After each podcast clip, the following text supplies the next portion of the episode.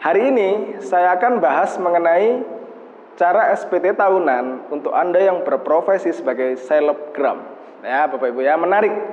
Profesi selebgram ini cukup menarik karena akhir-akhir ini cukup booming gitu ya dan dan banyak orang yang masih bingung gimana nih uh, perlakuan pajakku, pelaporan SPT tahunanku seperti apa.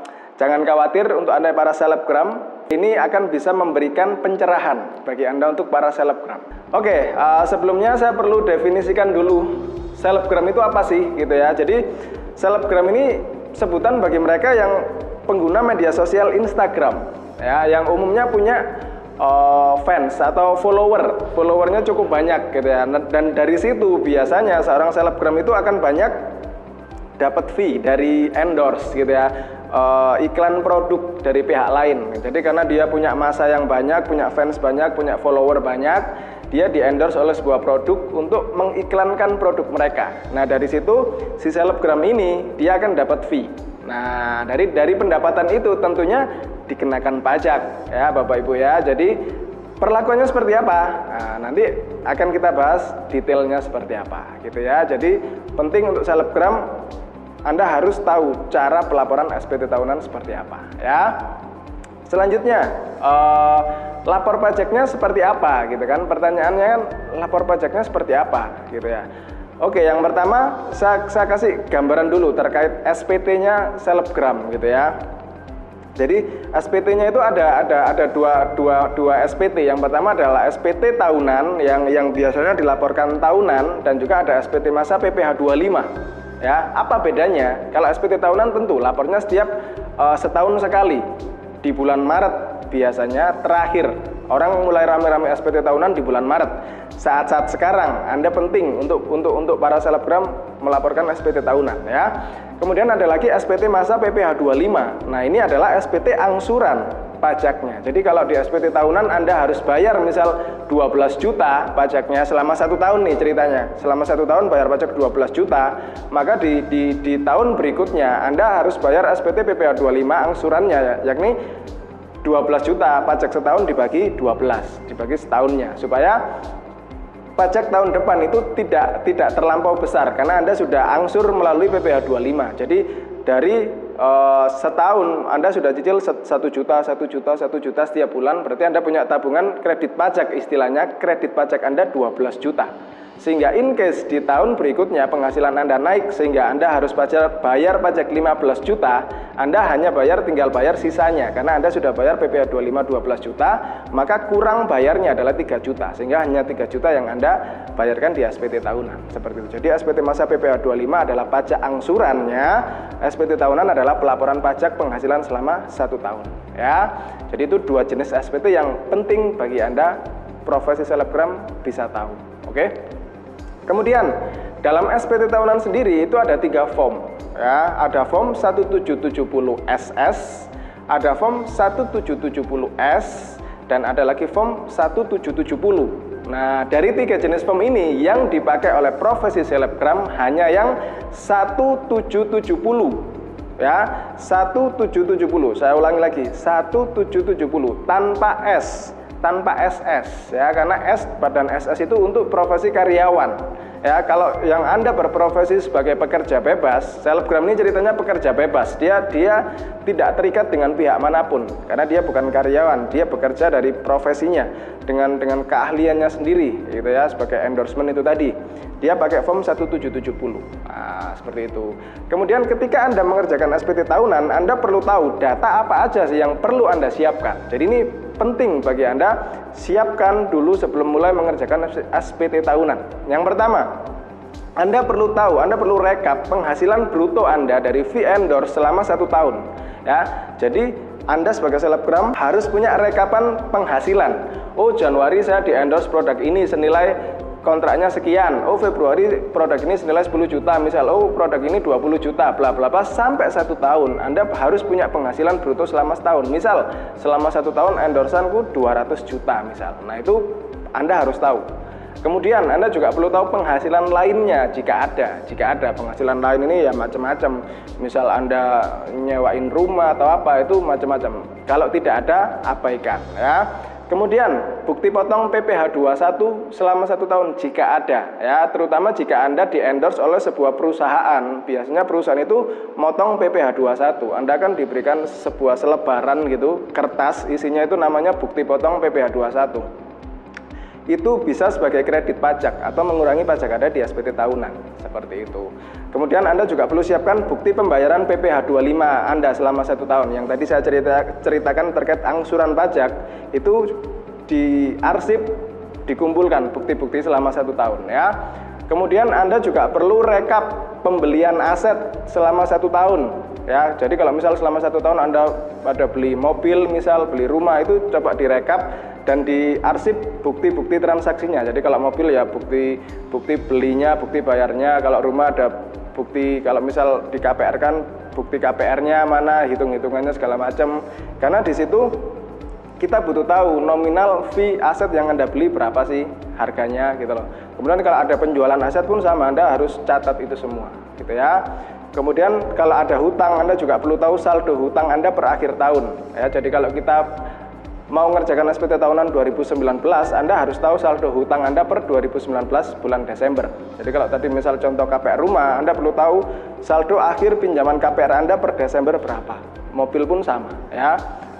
Kemudian Anda perlu siapkan juga kartu keluarga. Ya, karena itu nanti uh, daftar anggota keluarga juga akan dilampirkan di eh, SPT tahunan, gitu ya. Jadi Tujuh hal ini yang perlu Anda siapkan untuk mengerjakan SPT tahunan. Pastikan Anda punya data yang lengkap, yang komplit, supaya memudahkan Anda dalam mengerjakan SPT tahunan. Oke?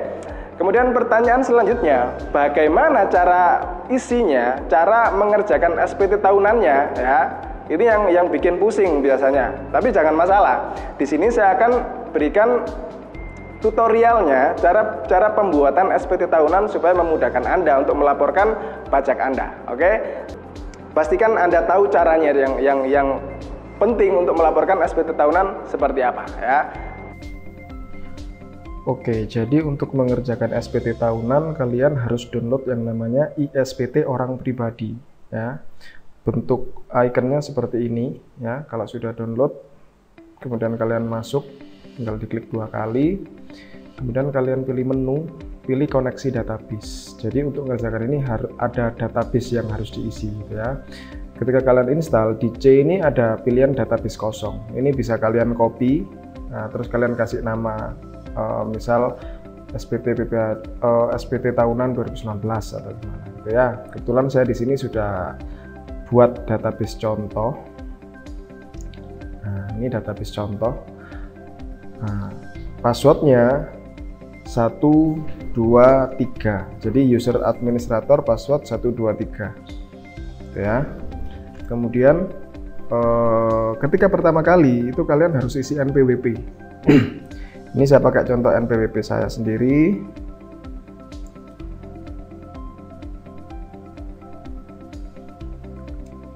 Oke. Kemudian saya kasih nama nya yang wajib diisi adalah yang ada tanda bintang-bintang. Yang selain itu tidak wajib, tidak uh, wajib diisi. Kemudian cara perhitungan jangan lupa diganti ke pencatatan karena kita bukan perusahaan, kita orang pribadi, gitu ya. Kemudian pilih simpan, selesai.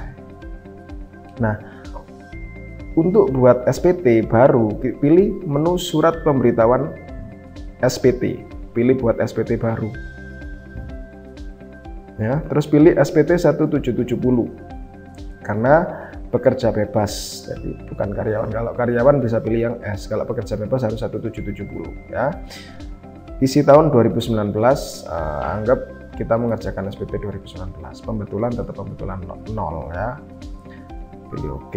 nah sampai di sini SPT berhasil dibuat nah kita tinggal isikan data-data nah, sesuai yang yang data yang perlu disiapkan adalah penghasilan bruto, penghasilan lainnya PPh 21, 25, pembelian, hutang, dan kartu keluarga. Di sini saya buat satu contoh data uh, simulasi gitu ya. Di sini saya ada siapkan data fee selama satu tahun.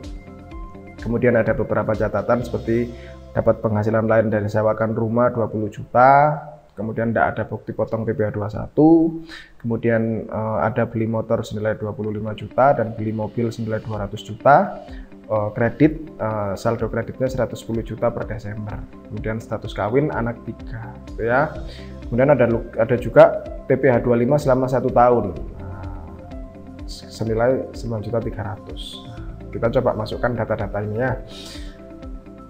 Nah, untuk masukkan pertama yang perlu dimasukkan adalah fee. Jadi penghasilan bruto selama satu tahun.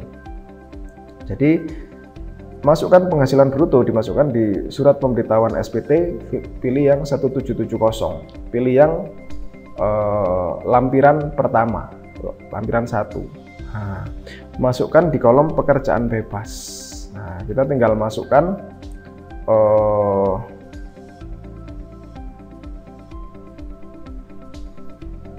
kolom nilai keseluruhan. Jadi nilai satu tahun 410 ini dimasukkan 410. Nah, kemudian di sini ada norma. Norma ini ibaratnya kayak eh, potongannya gitu ya. Jadi eh, isikan 50% gitu ya, 50. Nah, kemudian di sini otomatis harus diisikan 50% dari 410 ini berapa? Jadi 205 ini ya. 205 juta. Nah, kemudian simpan. Nah, sampai di sini berarti pendapatan bruto sudah berhasil dimasukkan. Kita close. Kemudian yang kedua, ada sewakan rumah 20 juta, dapat bukti potong 2 juta. Nah, ini perlu dimasukkan di 1770 yang lampiran 3 Nah, lampiran 3 ini isinya penghasilan yang dikenakan pajak final, penghasilan lain, ada yang dari deposito, oh, jual saham. Nah, di sini ada sewa atas tanah dan bangunan. Nah, 20 juta. BPH terutangnya kalau sewa 10%. Jadi sesuai bukti potong tadi 2 juta.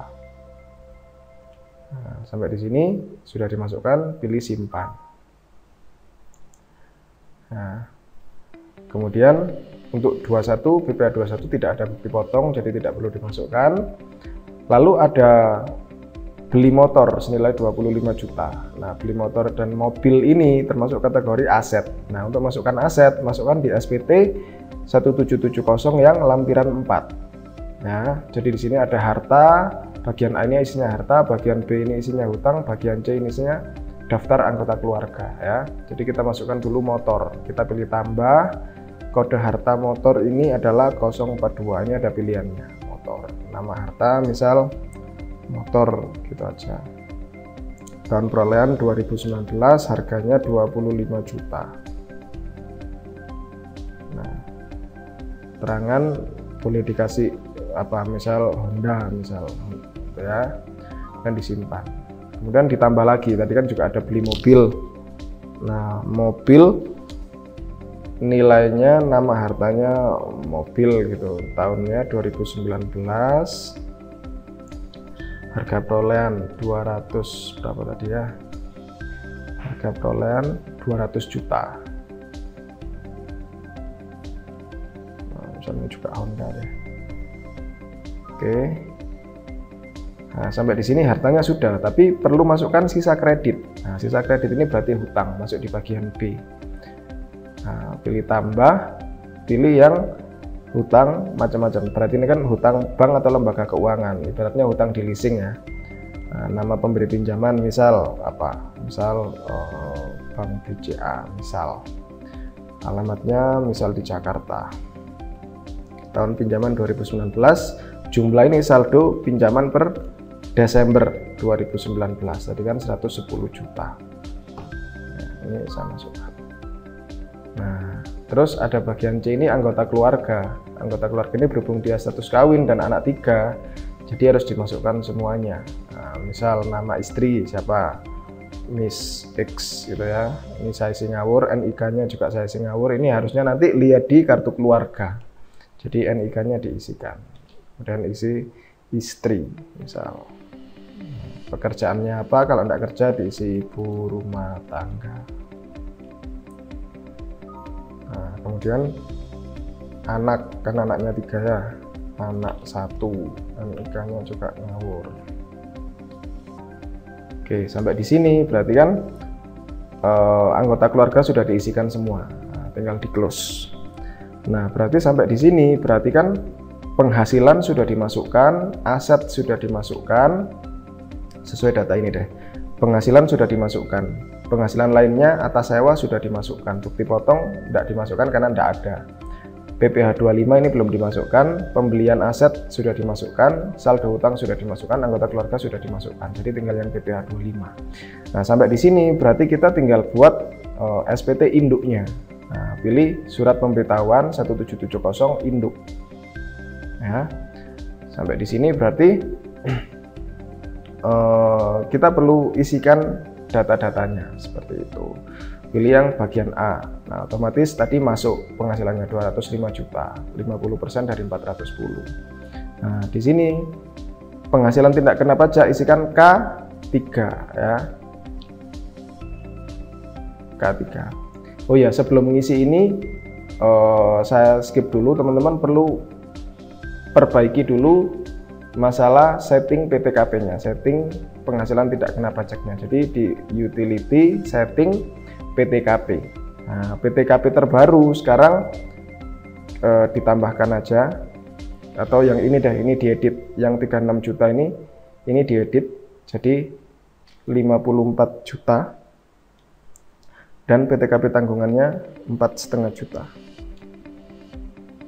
ya simpan nah kalau, kalau sudah disimpan di close kita masuk lagi ke 1770 yang induk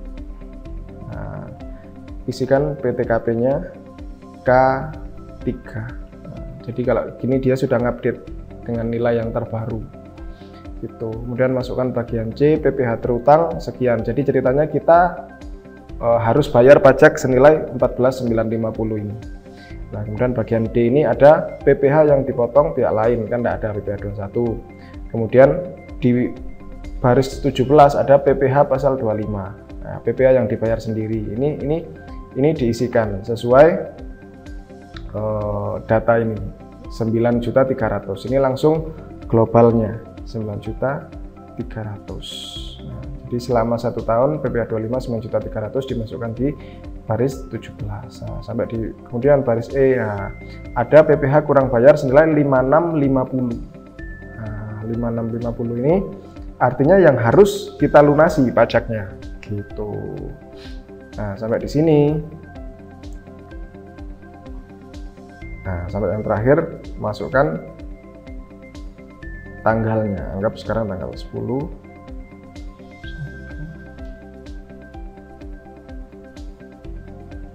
oh, sorry 2020 nah, simpan gitu ya. Nah anggap tadi senilai senilai berapa tadi? Senilai 5650 ini sudah dibayar. Anggap sudah sudah sudah dapat bukti pembayarannya gitu ya. Itu kan harus buat kode billing buat kode billing senilai 5650 kemudian bayar ke bank. Lah nanti sama bank itu dapat uh, bukti pembayaran ceritanya. Nah itu nanti diisikan di SPT sorry di lapor SPT rekam surat setoran pajak. Bukti pembayaran itu namanya surat setoran pajak dimasukkan di sini. Nah di sini nanti bisa diklik tambah. Nah tambah ini nanti uh, di situ nanti ada bukti pembayarannya. Nah, SPT tahunan orang pribadi. Ya 41125 kode restoran 200 SPT tahunan orang pribadi. MTPN ini ada tertera nanti. Jadi tinggal dimasukkan biasa aja. Nah ini saya isi ngawur dulu jumlah pembayar jumlah pembayarannya ngikuti ke kurang bayar jadi 56 50 nah, tanggal bayar anggap tanggal 10 03 2020 ya. Saya simpan. Nah, sampai di sini berarti kan kalau kita masuk ke induk lagi ya, masuk ke induk. Nah, di sini sudah lunas, tanggal lunas tanggal 10 5650. Jadi kita sudah tidak punya uh, hutang pajak lagi, kan kita simpan. Nah, sampai di sini pengisian uh, SPT ISPT-nya sudah selesai. Tinggal kita terbitkan uh, eh, CSV-nya. CSV ini yang untuk nanti lapor di uh, eh, DJP online ya di di website website pajaknya. Nah, pilih yang rekam, sorry, pilih yang lapor data SPT ke KPP. Nah, ini tinggal diklik, kemudian pilih buat file. Nah, ini tinggal disimpan, disimpan di lokasi mana. ya uh, anggap tak simpan di tempat tadi cara buat SPT tahunan oke nah selesai sampai di sini. Nanti akan ada file. Nah ini nomornya tidak beraturan ini. Gitu. Ya. Juga selain itu pilih yang menu cetakan. Menu cetakan ini untuk cetak uh, eh, SPT induknya. Nah seperti ini. Kemudian ini jangan lupa di print dalam bentuk PDF di PDF kan maksudnya. Di PDF kan saya simpan di folder yang sama oke. Saya cek. Oke ada. Nah ini nama dokumennya harus dibuat sama dengan nama file CSV ya. Kemudian di sini saya ganti supaya namanya persis. Oke. Sampai di sini berarti kita sudah punya datanya. Tinggal kita upload ke DCP online-nya ya. Seperti itu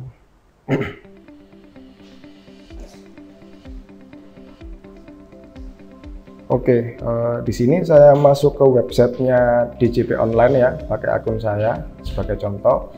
Begitu masuk di sini, eh, teman-teman uh, pilih yang lapor, nah, lapor, terus pilih yang e-filing, terus pilih buat SPT. Nah, apakah anda menjalankan usaha atau perusahaan bebas? Pilih ya. Upload SPT. Nah, anda dapat menggunakan fasilitas dari pilih upload SPT, kemudian pilih yang browse file CSV ini berarti kalian masukkan data yang CSV tadi. Nah, data yang CSV ini di double klik, nah, kemudian muncul yang PDF-nya, kalian browse juga seperti ini. Ya. Nah, kemudian tinggal di start upload. Nah, ini tidak saya upload karena ini kan contoh gitu ya. Jadi nanti kalian start upload, kemudian kalian tinggal uh, dapat kode verifikasinya seperti itu. Jadi sampai di sini SPT tahunan sudah berhasil dilaporkan. Nah, seperti itu. Semoga uh, video yang saya buatkan ini bisa membantu teman-teman uh, dalam melaporkan SPT tahunannya. Ya. Terima kasih, semoga bermanfaat. Oke, uh, demikian tadi penjelasan saya mengenai cara SPT tahunan buat Anda profesi selebgram. Mudah bukan? Oke, terima kasih, semoga bermanfaat. Salam sukses buat kita semua.